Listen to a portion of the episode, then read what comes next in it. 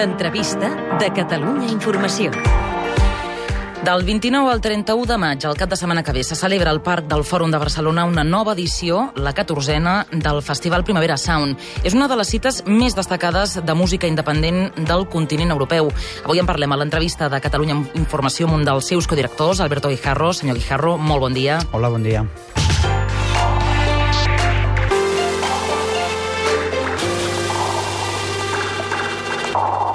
Com dèiem, el gruix del festival es desplegarà aquests tres dies, del 29 al 31 de maig, de dijous a dissabte, al Parc del Fòrum, però, de fet, el festival, senyor Guijarro, ja ha començat i fa dies. Sí, primer comencem, cada vegada ens avancem més amb el Primavera als Bars, i que és una programació que comença eh, 30 dies abans, amb programa petits bars, amb grups emergents de l'escena local, i la veritat és que és com el, el, el punt de sortida del festival ja per escalfar motors. El festival va començar, ja fa, recordem, 14 anys, al poble espanyol de Barcelona, però es va haver de traslladar al Parc del Fòrum per poder créixer, i de fet el, el propi fòrum sembla que s'ha quedat ja petit. Sí, la veritat és que ja hem passat dels murs de, de, de lo que és el propi fòrum i ara estem ocupant un espai que és molt important per nosaltres, que és la plataforma marina, que ens ha permet uh, posar els escenaris uh, més grans allà i, i guanyem mobilitat qualitat en el festival i la veritat és que el model de festival ara mateix, sense tot aquest eh, espai que ens preocupa que el puguem tindre tot, eh, no, no, no seria possible. En total, el Primavera acollirà aquest any uns 300 concerts, gairebé. És una oferta molt àmplia. Quins gèneres o estils podríem dir que toca el festival?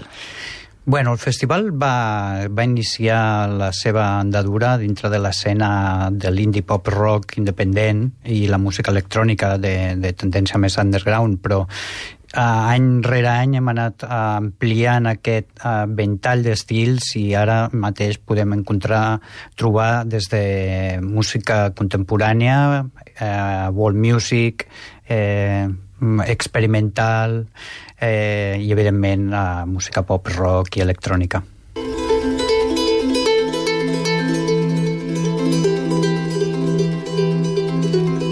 i fins i tot també música clàssica, com aquests que sentim, els Kronos Quartet. També hi haurà jazz, a banda d'això que comentàvem ara, de l'indie pop, també hi haurà jazz en aquest festival? Sí, sempre tenim alguna, algun artista eh, proper al jazz o al jazz experimental eh, bueno, cada any mirem de trobar aquests artistes que es creuen amb, uh, i enriqueixen l'escena musical.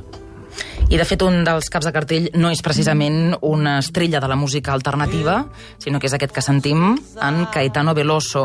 Però realment és un artista molt influent per molts dels grups que actuen al festival Caetano Veloso. És a dir, ell no és pròpiament, eh, no forma part d'aquesta música alternativa independent, però sí que ha influït molt en, en artistes que durant aquests 14 anys han anat passant pel festival. Evidentment, ens agrada tindre grups i artistes com Caetano Veloso que han traspassat les fronteres de el que pensem primer, no? Eh, encasillem a, a Caetano Veloso en la música brasileira, però la veritat és que, que va més enllà. Molts grups de pop han tingut la seva influència i és una, un personatge i un so reconegut que traspassa les fronteres estilístiques.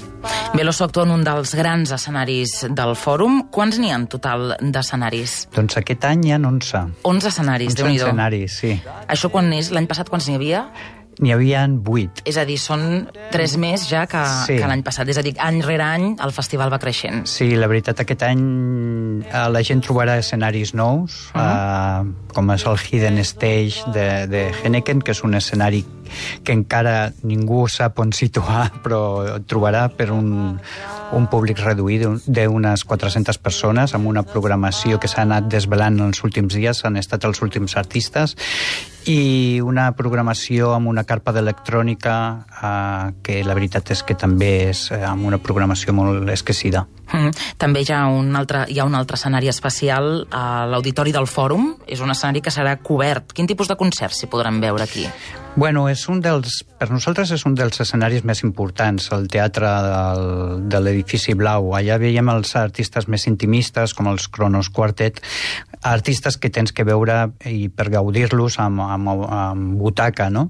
Eh, per nosaltres és un escenari molt important perquè ens permet fer una programació que altres, altres festivals no tenen. És, eh, és un punt eh, distintiu amb, amb el resta de festivals europeus. Mm. I a banda d'aquests escenaris que comentàvem, aquestes novetats, aquests tres nous escenaris, altres novetats del festival d'aquest any, que s'hi trobaran els, els visitants quan hi vagin? Doncs hi ha una oferta gratuïta molt, molt àmplia aquest any. En primavera a la ciutat eh, hi ha molta més activitat. Eh, els clubs eh, s'agreguen a la sala Apolo i a la 2 d'Apolo, el bars, eh, el teatre principal i la latina. També hi ha concerts eh, matinals a la seca, des de dimecres, dijous i divendres divendres amb concerts gratuïts de grups emergents de diferents països. Uh, continuem amb el Parc de la Ciutadella, que comencem un dia abans, comencem el divendres i farem tots els matinals de divendres, dissabte i diumenge. Tota l'activitat professional també marxa al barri del Bor, se situarà ja al convent de Sant Agustí, el que vol dir que d'alguna manera comencem a invair el barri del Bor per créixer amb un, quasi amb un segon festival. I parlàvem ara de Veloso, però ja també hi ha també altres caps de cartell. Sometimes I move so fast, sometimes I move so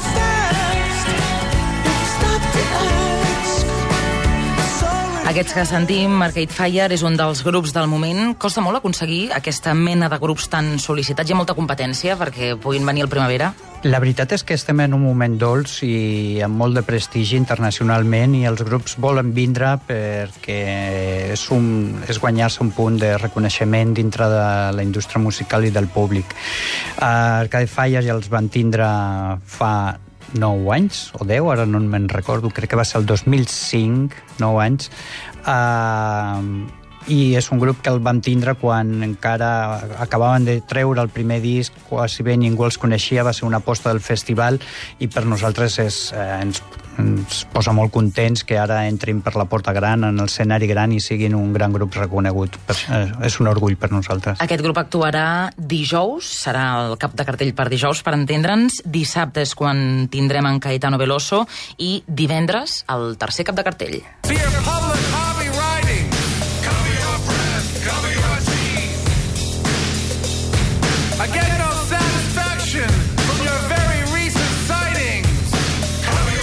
Els Pixies, una formació veterana de culte i que, de fet, ja havia actuat al, al festival anteriorment. Què es pot esperar de Pixies al 2014? Hi ha novetats també en aquesta formació.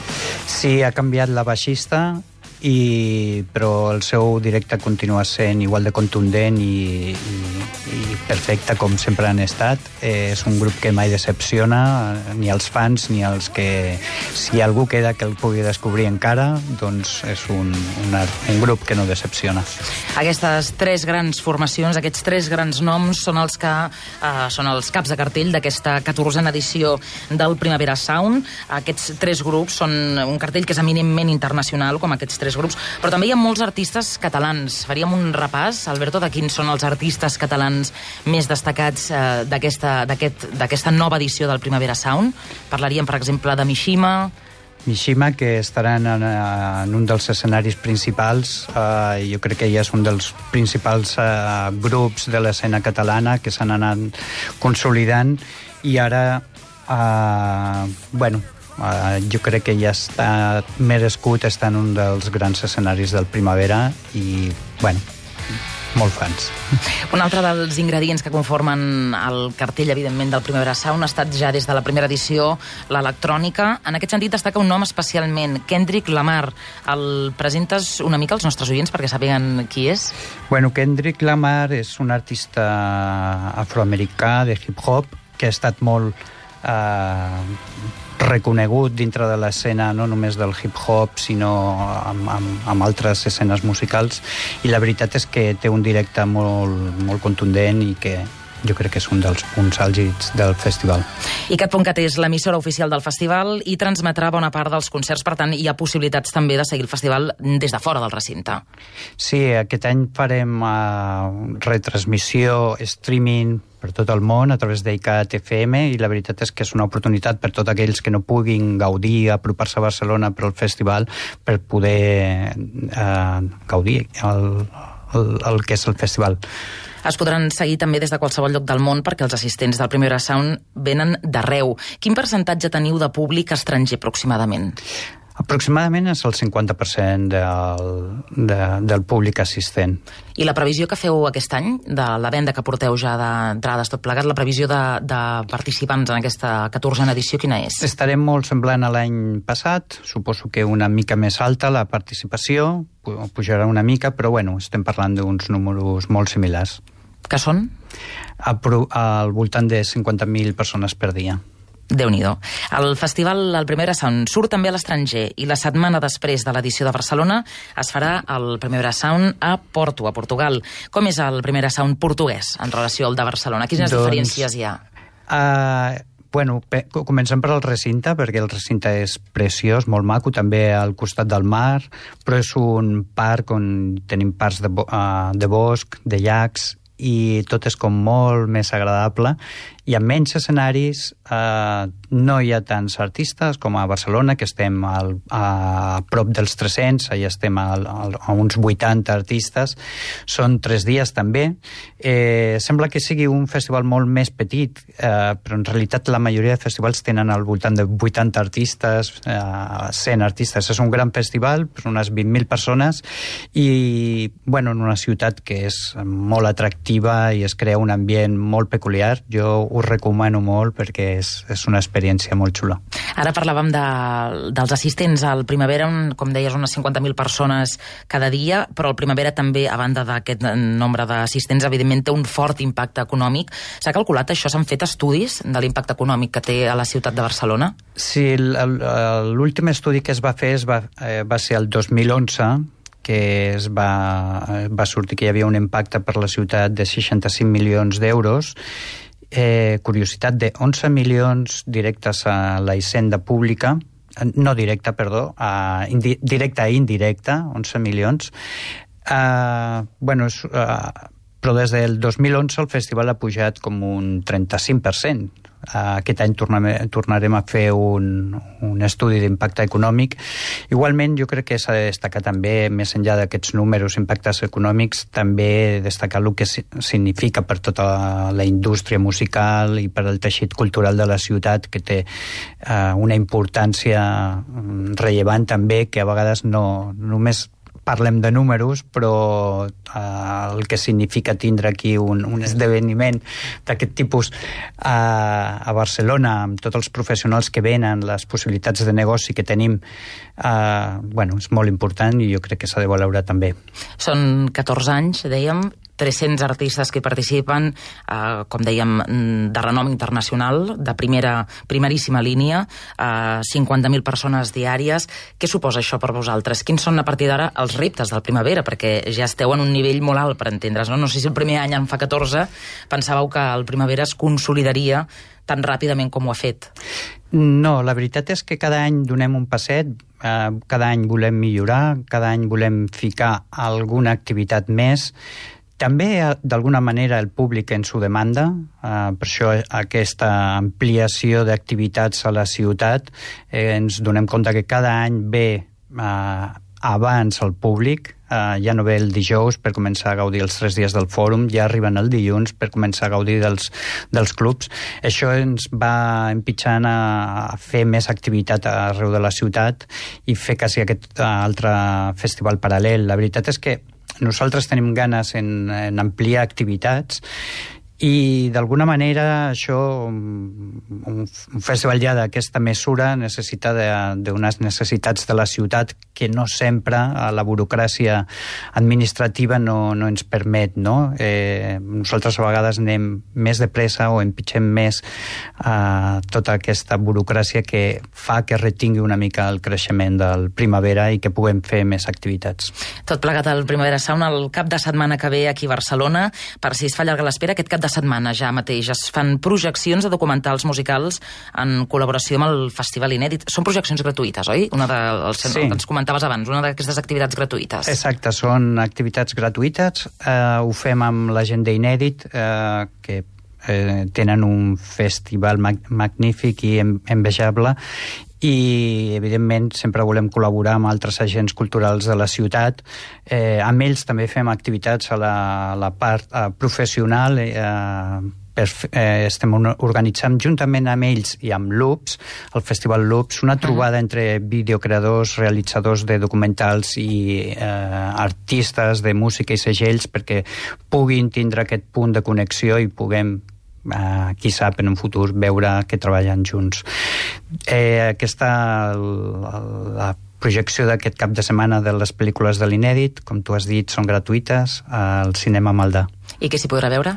Doncs tenim una pel·lícula dels Pixies, mm -hmm. també tenim una altra pel·lícula sobre Charles Bradley que està actuant al festival, és, Charles Bradley és un person personatge molt peculiar perquè ha començat a fer-se conegut a l'edat de 60 anys i és una mena de James Brown que bueno, conèixer la seva història és, és, és molt interessant.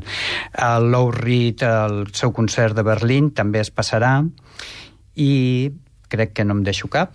Això ja aquest cap de setmana per escalfar motors pel cap de setmana que ve, que ja serà el Primavera Sound. Avui parlant d'aquest gran festival que acull cada primavera a Barcelona, hem parlat amb un dels seus codirectors, Albert Guijarro, l'entrevista de Catalunya Informació. Moltes gràcies per atendre'ns i molt bon dia, que sigui un èxit al festival. Gràcies a vosaltres.